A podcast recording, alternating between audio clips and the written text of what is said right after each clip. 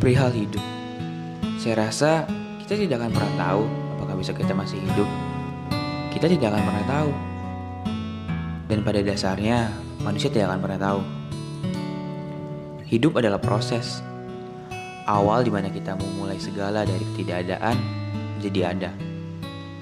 Seperti halnya saya, sudah hidup selama dua desa warsa, banyak sekali proses yang telah saya lalui.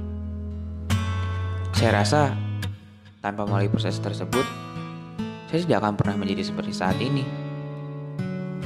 Karena kepribadian seseorang lahir dalam jangka waktu yang sangat panjang. Maka dari itu, mengapa setiap orang memiliki kepribadian yang berbeda-beda? Ya, karena cerita setiap manusia itu berbeda.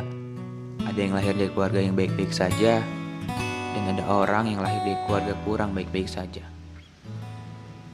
Kalian pernah tidak terpikirkan oleh kalian bagaimana rasanya menjadi orang lain?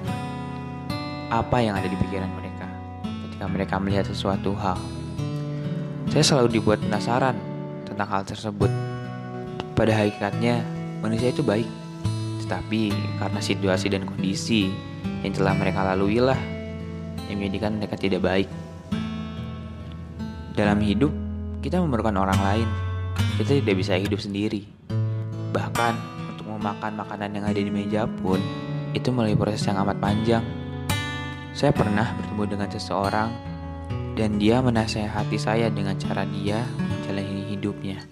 Yang pertama, kita harus menjadi orang baik agar kita diperlakukan dengan baik juga.